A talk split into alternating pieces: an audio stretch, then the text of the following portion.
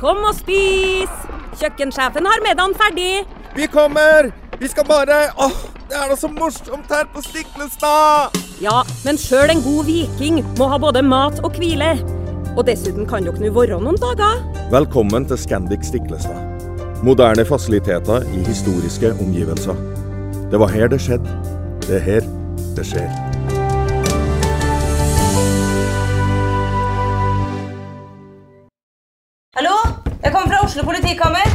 Ine Jansen er purk. Er du purk? The motherfucking bitch. Alt jeg vil, er å finne ut hva som skjedde med mannen min. Jon Carew. Er jeg sikta for noe? Iben Akeli. Det er du. Ole So, Lars Berrum og Big Daddy Karsten. Hvem sin side er du på, egentlig? Anette Hoff, Tone Danielsen, Kommer du fra Afrika? Jørnis Josef, Nesten. Kløfta. Trond Espen Seim, Det er synd å si det, men det var feil mann som døde. Purk. Premiere tirsdag på TV2 Play.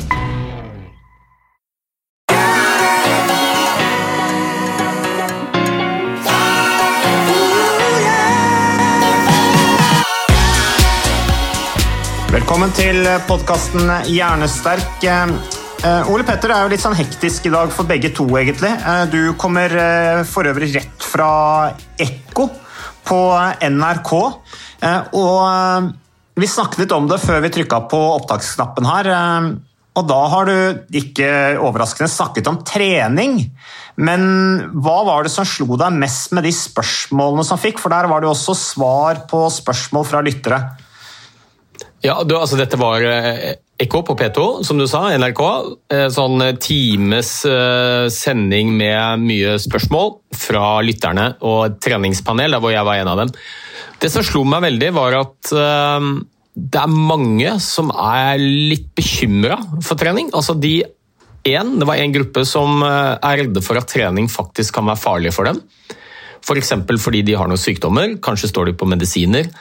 Eh, Og spesielt de som har hjerte-karsykdom, som jo er en veldig stor eh, gruppe pasienter. 11 000 nordmenn som får et hjerteinfarkt hvert år, f.eks. Og, og så var det også en del som var sånn bekymret for at de ikke trente riktig. At de trengte for lite styrke. og altså, De syntes det var vanskelig å vite om de skulle trene styrke eller kondisjon. Og så endte det ofte opp med at de faktisk ikke fikk trent i det hele tatt, for de var så usikre på hvor de skulle begynne. Og noen som var redde for at de trente med helt gal intensitet. At de eh, ikke helt ideelt med tanke på makspuls og intensitetssone. Og, det, og da Jeg blir litt sånn bekymra når jeg opplever at det er så mange som er redde for å trene fordi de eh, tror kanskje de gjør noe som ikke er bra for dem. At det er farlig. Ok, Så her er det to grunner til å være redd. Altså Det er de som er redd for å trene fordi at de tror at uh, treninga er eh, på en måte vil være, ikke være bra for helsa deres. altså De er redde for å dø av hjerteinfarkt eller hva det måtte være. Eller få mer vondt. Og så har du de da som eh, ikke er redde for å trene, men de er redde for å trene feil, så de får ikke trent. Det blir jo litt Ja. sånn, ja, det, det er jo litt utrolig, da. Altså, Ja, og- og- Hvordan har det blitt sånn? Nei, jeg, jeg tror Litt av det handler jo om hva slags fokus vi har i media for eksempel, og i samfunnet. Eh, Nå er det jo veldig mye tilgjengelig informasjon om trening, om kosthold. Og, og de aller fleste artikler du leser og ting du hører om, så er det eh, hva er den optimale treningsøkten? Eh, Eventuelt hvordan kan du komme i best mulig form med minst mulig innsats?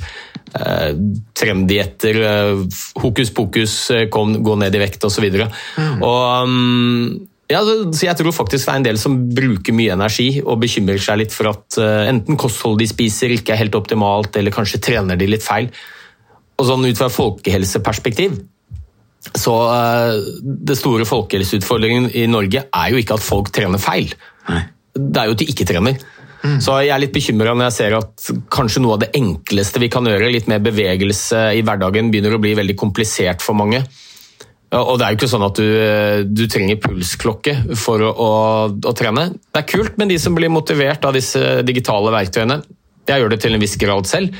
Men altså, du behøver jo ikke vite noe som helst om makspulsen din, eller intensitetssoner, eller hvilepuls eller oksygenopptak for å bevege deg og trene. Langt ifra. Altså, det viktigste er å få gjort noe. Ja. Og jeg mener det er helt sånn uvesentlig i et folkehelseperspektiv, og faktisk virker litt sånn kompliserende. Så um, Og tilbake til det med farlig. Altså, det er ikke farlig å trene. Det er veldig veldig få grupper som eh, kanskje bør holde seg unna trening. og Da snakker vi om hvis du er akutt syk, hvis du får sterke smerter når du trener, mm. eller at du har en uavklart hjertesykdom som du ikke har vært til lege med og har fått klarlagt. Alle andre, så godt som, mm. så er trening anbefalt for helsa.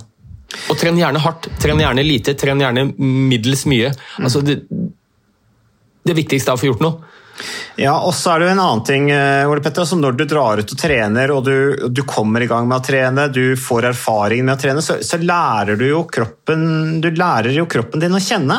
Altså, du får en helt, e, helt, annen erfaring med din egen kropp og kroppens symptomer. Så det er jo ja, verdt ja. å gjøre. Det er jo en lære i, i din egen kropp, det, å dra ut og trene. Ja, og, jeg synes jo det er litt interessant. På mange måter så er det jo helt topp at vi har så mye helseinformasjon tilgjengelig for folk flest med noen tastetrykk ikke sant, på internett. Eh, det gjør at vi blir mer opplyste, det gjør det lettere å, å kanskje ta gode, informerte valg i sin egen hverdag. Men det skaper også utrolig mye bekymring. Mm. Jo mer informasjon vi har tilgjengelig, jo mer grobunn for bekymring også har vi. Og et godt eksempel er jo hun ene, en veldig opplyst dame, som skrev inn og, og sa at hun eh, hadde begynt å trene. Men så opplevde hun ofte, hvis hun var ute og jogget, da, at de første fem minuttene av joggeturen kunne være litt tunge. Hun følte seg litt tungpusten. Mm. Uh, unormalt tungpusten første fem minuttene, men når det har gått mer enn fem minutter, og etter en halvtime, så var hun helt fin. Og hun ja. kunne øke farten uten å være tungpusten. Og så hadde hun lest da, eller var, i fall var bekymret for at det kunne være en tett blodåre et eller annet sted. Mm. Som gjorde at hun var litt ekstra tungpusten. Så hun var litt bekymra. Jo, jo, og, og, så kan vi flire litt av det, men, ja, men det, eh, det er mange som har de bekymringene der. Så som jeg sa, at eh, det er helt naturlig at du er litt ekstra tungpusten de første fem minuttene. Det tar litt tid før kroppen setter i gang disse prosessene som gjør at luftveiene utvider seg, hjertet slår litt fortere. Så det er helt vanlig det, å føle seg litt mer sliten kanskje de første minuttene enn når du har kommet godt i gang. Og hadde du hatt en trang blodåre i, ehm, i kroppen din et eller annet sted, så hadde, du, så hadde kroppen sagt fra. Mm. Hvordan hadde den sagt fra da, Ole Petter? Nei, Det kommer jo an på hvor den tette blodåren sitter. da. Sitter den i hjertet, så får du brystsmerter. Ehm, sitter den i beina, så får du smerter i beina. Altså, mm. Og det er litt sånn kroppen er utrolig flink til å, å, si fra. Og jeg tenker for folk flest da, som har lyst til å komme litt mer i bevegelse, så er det helt unødvendig med en legesjekk før du skal begynne å trene. Det er mer sannsynlig at du trenger en legesjekk hvis du ikke trener. Mm. Så Du behøver ikke å teste hjertet ditt, du behøver ikke å gå til fastlegen før du starter et treningsprogram. Vi er laget for å være i bevegelse. Mm. Ja. Og kroppen jo, din sier fra når noe er gærent. Ja, Det er jo gjerne derfor man føler seg best på slutten av en joggetur. Litt avhengig av hvor langt du løper, selvfølgelig, men hvis du tar en normal joggetur da, på rundt 30-40-45 minutter, en times tid, så føler man seg ofte best på slutten av turen. Litt avhengig av hvor hardt du løper, selvfølgelig, men uh, i hvert fall er det sånn meg. Jeg starter jo alltid rolig fordi at jeg alltid føler meg ganske tung de første fem-ti minuttene. Jeg var ute og løp på søndag, f.eks., og da konstaterte jeg også at jeg var veldig tungpusta. Og det jeg da konkluderte med, var at nå har jeg ikke 80 O2 lenger. Nei, hadde du hatt det, hadde det vært nesten et mirakel. Nei, og Det merker jo jeg også. Jo eldre jeg blir, jo lengre tid tar det før du har sveivet maskineriet i gang. Mm. Det knirker litt, og det er litt småvondt kanskje, og litt tyngre i pusten til å begynne med, men når du blir varm og kommer i gang, så, så går det fint. Og så går det Ja. Fin måte å starte opp maskinen på. Ja, så Det er en av mine bekymringer. La oss for guds skyld ikke gjøre ting for vanskelig og komplisert. Eh, fysisk aktivitet, skal vi ha flere av befolkningen ut i bevegelse, så er det synd hvis det er mange som bekymrer seg for at de enten ikke trener optimalt, eller at det er farlig. Jeg liker jo litt den definisjonen til Egil Borger Martinsen som vi har nevnt flere ganger i den podkasten, som jobbet med, med, fysisk aktivitet på Modum Bad æresanatorium, bl.a. med min far. Uh, og Han sier jo at ja, definisjonen på mosjon det er å få opp pulsen og bli litt svett. Det er, Så enkelt kan det gjøre. Og min far også, som jo tross alt var landslagstrener i løping og, og trente Oddvar Brå og Anette Bø og trent Tor Hushovd osv. Han også sa ja, rolig, rolig langkjøring det er sånn at du skal kunne snakke hele setninger. Du er litt andpustet på toppen av bakkene, men ikke mer at du kan snakke hele setninger.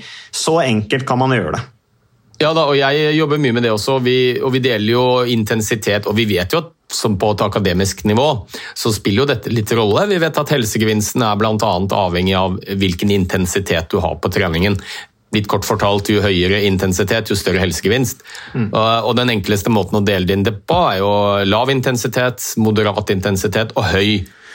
Eh, og Da kan vi jo begynne å snakke om puls og prosent av makspuls og sånt, men for folk flest så trenger du ikke ha noen idé om det. Jeg pleier å si det at ok, de tre intensitetssonene, lav intensitet, som du sier, pratefart. Mm. Da skal du kunne gå eller sykle eller jogge og fint ha en samtale eh, med en som er ved siden av deg. Moderat intensitet, da skal du klare å snakke litt, men du har egentlig ikke lyst til å snakke så altfor mye. Nei. Det er sånn men, Du må hive litt etter pusten når du snakker mye. Mm. Eh, og høy intensitet, da har du bare lyst til å være helt stille. For da, da er du sampusten at du, du, du, skal ikke kunne klare å ha en lang samtale med noen som står ved siden av deg. Men Ole Petter, blir vi for akademiske? Blir vi for faglige? Altså Har dette noe med at det er blitt mye fagpersoner innenfor fysisk trening, eh, innenfor treningsbransjen, innenfor folkehelse. Altså, din egen erfaring, f.eks. Altså, du, du har jo forsket på hjernen, er fastlege, er tidligere maratonløper. Du reiser rundt og holder foredrag hver eneste uke, nesten hver dag om fysisk aktivitet, fysisk trening, folkehelse. Opplever du noen gang at folk blir skuffa over at du forenkler det sånn? Altså at de, at de, kanskje kommer og forventer kanskje mer på en måte heavy fag. Eh, opplever du noen gang det? Nei, Jeg gjør egentlig ikke det så veldig ofte, men det handler jo om veldig mye at når jeg holder foredrag, så vet jeg veldig godt hvem jeg holder foredraget mitt for. Og Det kan jo være en pensjonistforening, eller det kan være idrettsgymnas, eller det kan være idrettsutøvere. Det, kan være, ja, det, er, det, er, så varierte grupper, så jeg bruker mye tid på å prøve å finne ut hvem er det jeg snakker til, og så prøver jeg selvfølgelig å tilpasse. Um, og, og, det er jo faktisk et poeng det der at jeg prøver stort sett å gjøre det enkelt, men for å kunne gjøre noe enkelt, så må du kunne ganske mye. Mm. Det, er jo litt av, av, av, kunsten. Altså jeg bruker masse tid på å sette meg inn i det som vi nå snakker om, som er akademisk, med intensitetssoner og puls og hvor får du gevinsten.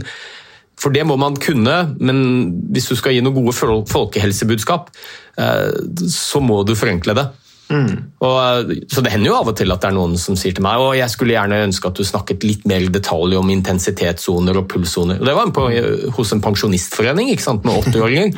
ja. det, det, er jo kult at det er noen som er interessert i det, men mm. så, som sagt, min, eh, min bekymring er at vi, eh, vi lager noen hindre for folk ved at vi blir for akademiske og, og ja, som kanskje er nyttig, eller er nyttig for de som er toppidrettsøvere og skal prestere. Mm. Men for folk som bare har lyst til å bevege seg litt mer i hverdagen for helsa sin skyld, så, så er intensitetssoner og puls det, altså det, er uvesentlig å kunne masse teknisk om det. Mm. Bare kom deg ut, så, så, går pulsen opp, og så får du helsegevinsten. Ja, det er litt sånn som jeg sier òg til disse, mange av disse jeg, jeg, snakker til når jeg er ute i næringslivet, at det, det, selve treninga, eller mosjonen, er jo ikke komplisert og vanskelig. Det som er vanskelig, er jo å gjøre det mm. regelmessig over tid. Ja. Det er jo det som er vanskelig. Ja da. og Det var faktisk en, en som sa det veldig godt på Ekko i dag. Han sa det at uh, jeg er ikke så veldig glad i å trene, men jeg er veldig glad i å ha trent. Og Det oppsummerer egentlig ganske godt. da, at uh, For mange de opplever en dørstokkmil og en terskel for å komme seg i aktivitet, men det er jo knapt noen som angrer på en treningsøkt. Nei. Vi liker å ha trent. Mm. Ja, det er liksom, jeg føler sjøl at det er noe som bare må bli gjort. Og det jo mer sliten og tung jeg føler meg, jo mer behov føler jeg for å ta en liten treningsøkt. Men da er det klart, da er det begrensa hvor mye du får gjort. Og det er jo det som er fint. Du trenger ikke å trene så mye. Heldigvis ferdig med det, liksom. Og så er det deilig de dagene du eventuelt har den anledningen til å dra ut på en eller annen fjelltur eller skogstur med gode venner og familie, men da er det jo noe med å orke å gjøre det òg, da. Så da får du jo glede av den treninga du har gjort. Ja, og så pleier jeg å si til folk som lurer på hvor mye, eller hvor hardt skal jeg trene for å få helsegevinst. Skal jeg gå tur, eller bør jeg kjøre intervall, eller hva bør jeg gjøre? Så pleier jeg å si at begge deler funker veldig bra, men fordelen med å trene litt hardt av og til, det er at du behøver ikke å trene like mye for å få samme helsegevinst. Mm. Og det vet jo myndighetenes anbefaling er 150 minutter med moderat intensitet i uka for voksne. Men hvis du kjører høy intensitet, så er det 75 minutter. Mm. Ja. Så, altså halvparten. Ja. ja, for folk er veldig opptatt av effektiv trening. Altså, hvordan skal jeg trene effektivt? Uh, og det sier jeg, det, det, er litt avhengig av hvor mye du, hva, hva som er ambisjonen og hvor mye tid du har til å trene. Og hvilket nivå du er på. Altså, hvis du er i kjempedårlig form eh, og ikke har trent på mange år eller mosjonert mange år, så holder det bare å gå ut og gå seg en tur.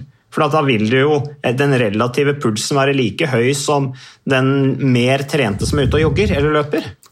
Ja, og det er noe jeg snakker veldig mye om til folk som uh, sier at vet du hva, nå har jeg vært inaktiv så lenge, jeg er i så ræva fysisk form at jeg syns det er vanskelig å komme i gang. Og så pleier jeg å si åh, jeg misunner deg litt. ikke sant? Fordi at jo dårligere utgangspunkt du har, jo større gevinst får du, og du vil mye kjappere merke progresjon en mann på min alder som er 51 og som ikke har trent på 30 år, som bare begynner å spasere seg en tur to ganger i uka, vil jo i løpet av noen dager føle seg i mye bedre fysisk form. Mm. Og, og, og, sikkert i mange år kunne oppleve at de blir i bedre og bedre fysisk form. Det skaper mestring. Mm. Jeg som har vært glad i å bevege meg hele livet og trent mye, selv om jeg trener hver dag, så går det jo bare én vei. Ja, det er bare begrense forfallet, ikke sant? Ja, ja, ja. ja. Så det, jeg tenker det kan være litt sånn motiverende faktor da, for mange som sliter med å komme seg litt i gang igjen. Jo dårligere form du er, jo lengre siden det er du har trent, eh, jo Ukas annonsør det er uh, HelloFresh. Og uh, hvis du nå går inn på hellofresh.no og bruker koden 'fresh hjerne', så kan du få opptil 1779 kroner rabatt på da de fem første matkassene dine hvis du ikke har prøvd Hello Fresh enda. Og Ole Petter, vi er jo glad i Hello Fresh i podkasten Jernsterk, selvfølgelig fordi at de er en annonsør. De er med og bidrar til å spre det glade ordet om fysisk aktivitet og god helse.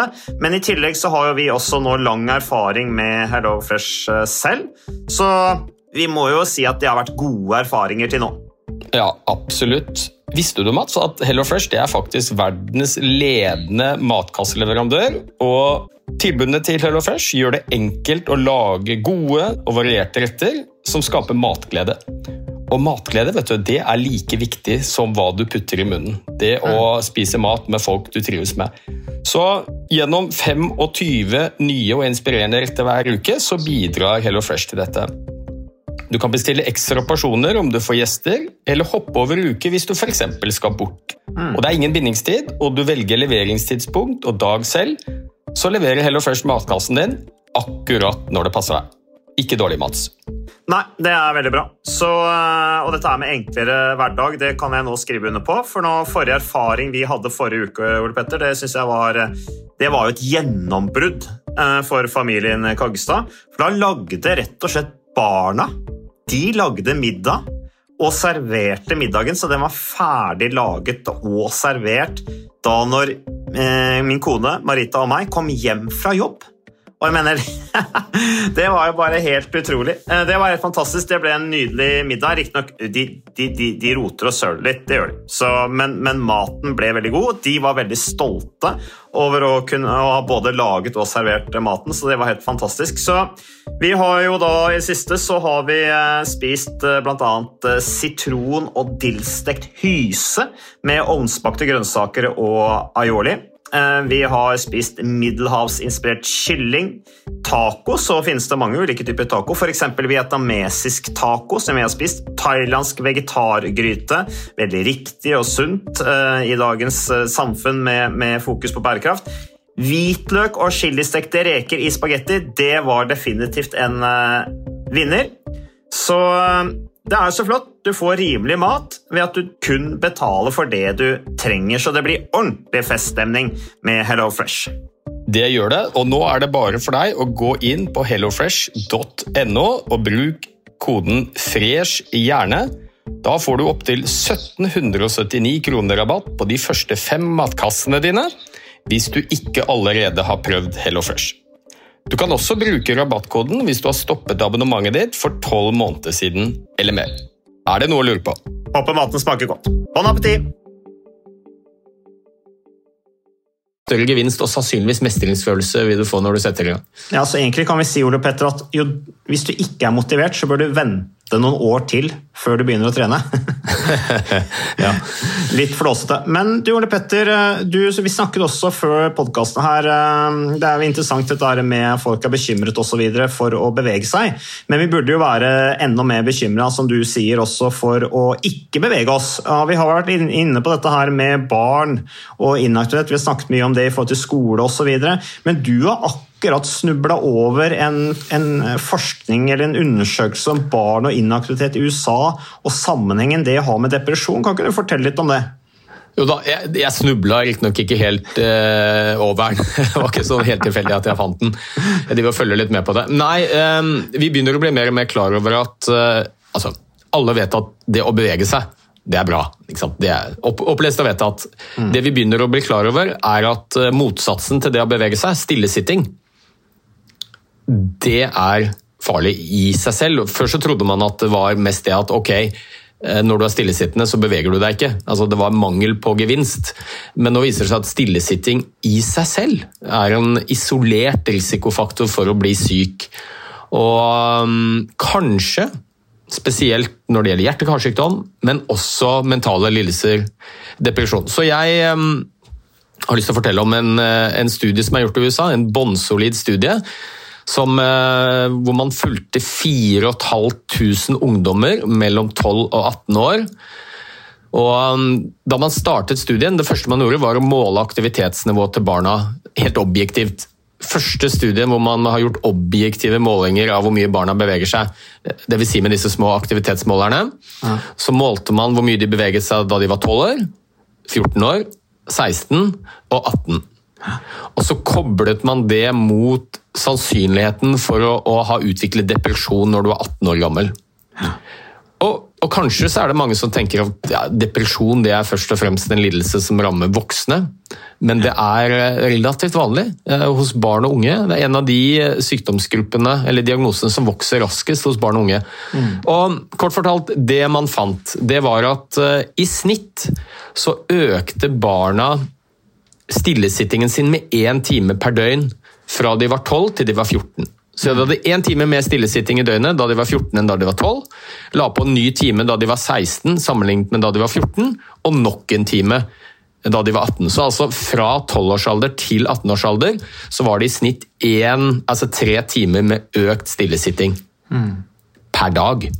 Ja. Og det er ganske betydelig. M- Men ikke så veldig overraskende. Det ser vi i norske studier også. Jo eldre barna blir, jo mindre beveger de seg. Og Så så de da på sannsynligheten for å utvikle depresjon ved 18 års alder. Og Da viste det seg at én time med økt stillesitting per dag økte sannsynligheten for å få depresjon når du er 18 med ca. 10 og det vil jo si at når du legger dette sammen, tre timer økt med stillesitting, så er det altså 30% økt sannsynlighet for å få en depressiv lidelse um, ved 18 års alder, fordi barn beveger seg mindre i hverdagen. Og det er jo ganske urovekkende. Mm.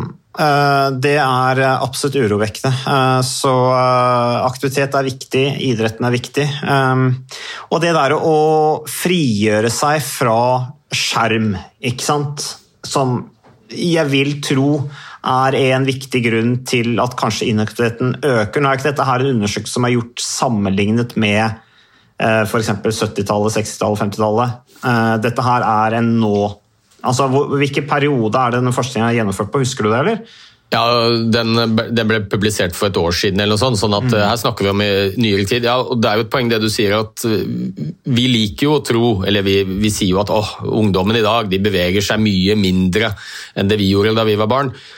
Utfordringen når vi skal si det, er jo at vi har ikke veldig god dokumentasjon på det. Vi tror at det er mindre bevegelse hos barn i dag enn enn før. Eh, grunnen til at vi ikke vet sikkert, er fordi at eh, det er først i nyere tid vi har begynt å objektivt måle hvor mye barna beveger seg. Før så var alt basert på egenrapportering. Eller da for de yngste barna at foreldrene rapporterte, og da vet vi veldig godt at når vi skal egenrapportere, så blir det mye unøyaktigheter. Eh, og i snitt så overrapporterer vi. Men eh, det er mye som tyder på at barna beveger seg mindre. og, og det har en pris. Mm. Både fysisk, som vi har snakket masse om, men også mentalt. Og Konklusjonen i studien her, som jeg ikke, ikke, jeg ikke helt har kommet til, den var todelt. Det ene var jo at aktivitetsnivået hos barn viser en urovekkende trend. De beveger seg mindre og mindre, og det øker sannsynligheten ganske betydelig for depressive lidelser. Mm. Med alt det medfører for individet selvfølgelig, og for samfunnet. Um, men det som var eh, mest interessant i denne studien, det var hvor lite fysisk aktivitet er det faktisk som skal til for å oppveie stillesittingen. Ja. Uh, og I dag så har det jo så godt som alle vestlige land har jo anbefalinger for fysisk aktivitet for barn, som er én time med lek og aktivitet om dagen. Og Da er det definert som moderat intensitet. Mm. Altså at barna blir litt svette og andpustne. Det er løping og klatring og hopping og vanlig lek da, for barn. Men de er barn til de er 18 år, eller?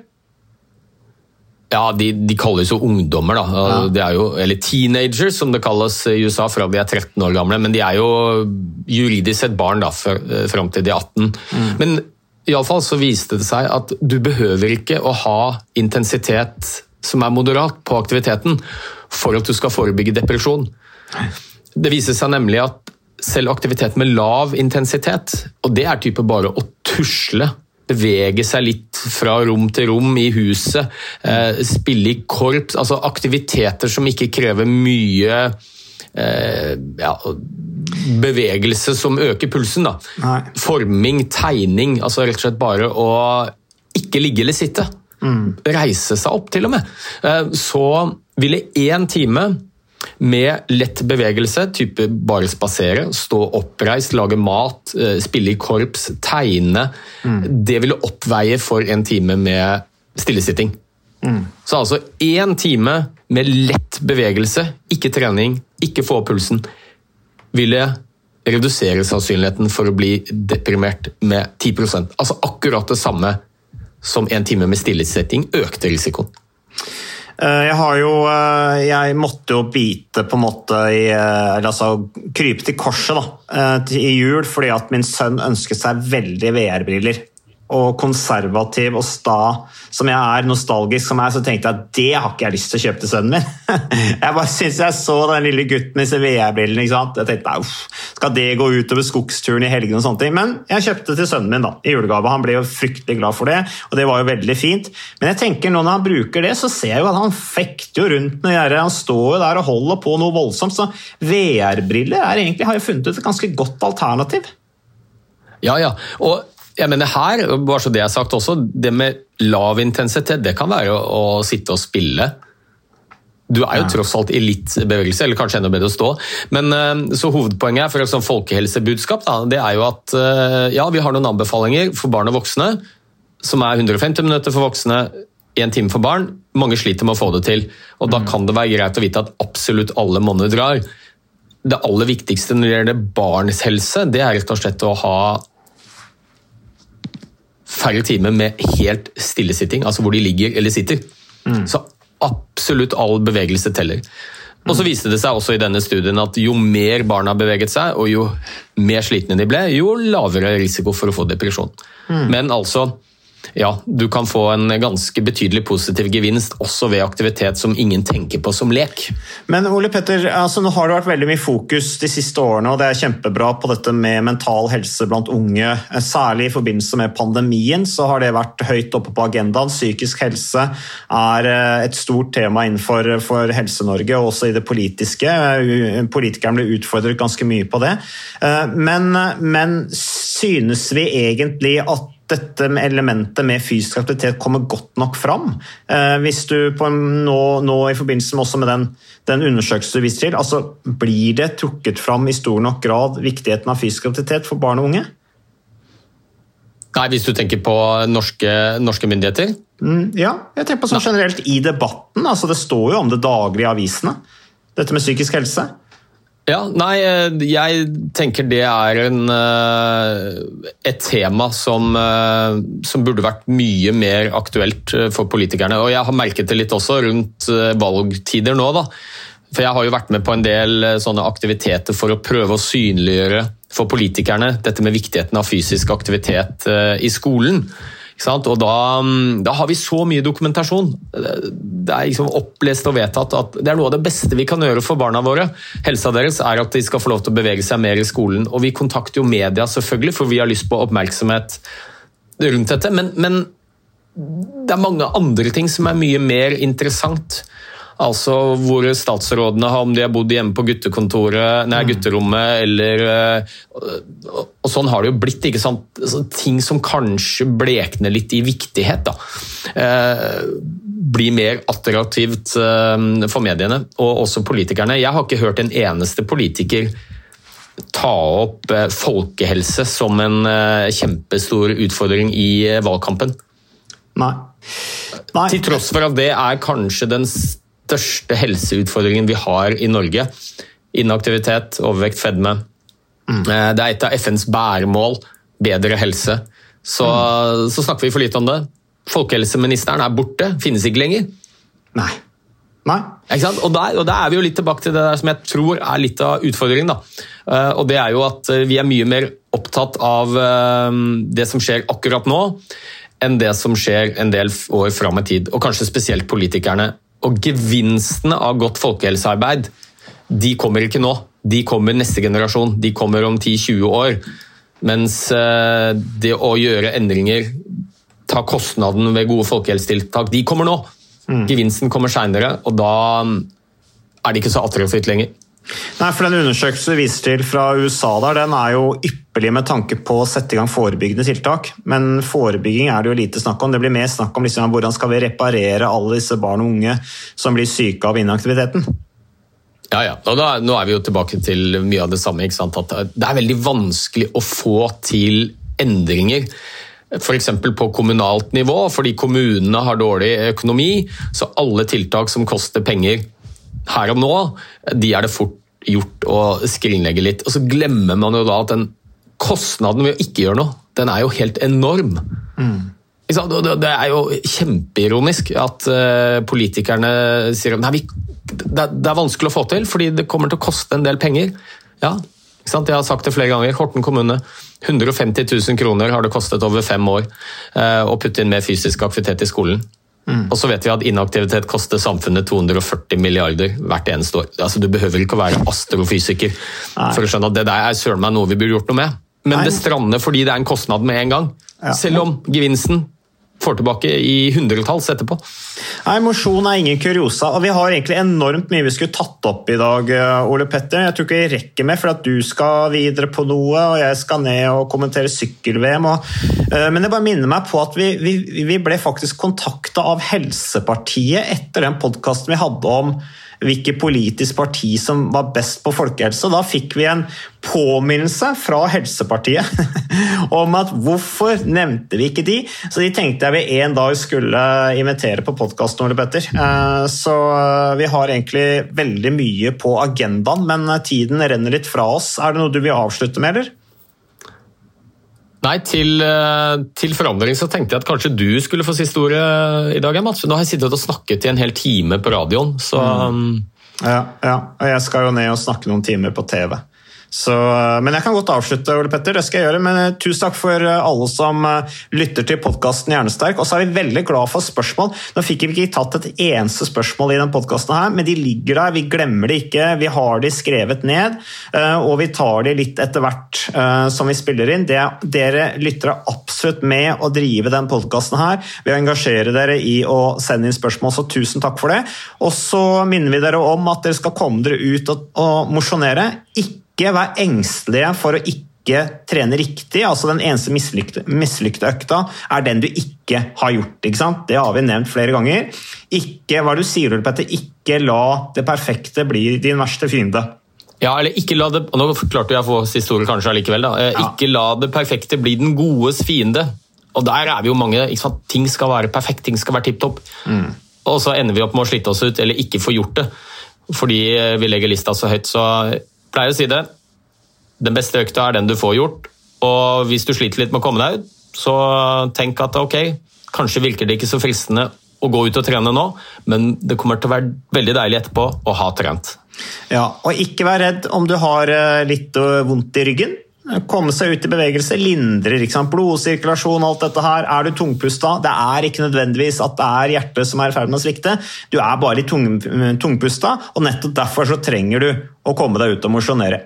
Så det var siste ord. Og så takk for deg, Ole Petter. Og vi er tilbake igjen neste Eller takk til deg, Ole Petter. Vi er tilbake neste uke med mer Hjernesterk.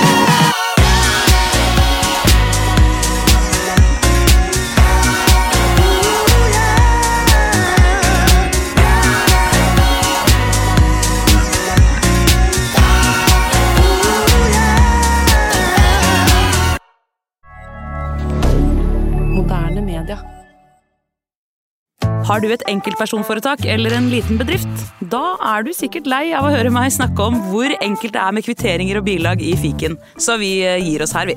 Fordi vi liker enkelt. Fiken superenkelt regnskap.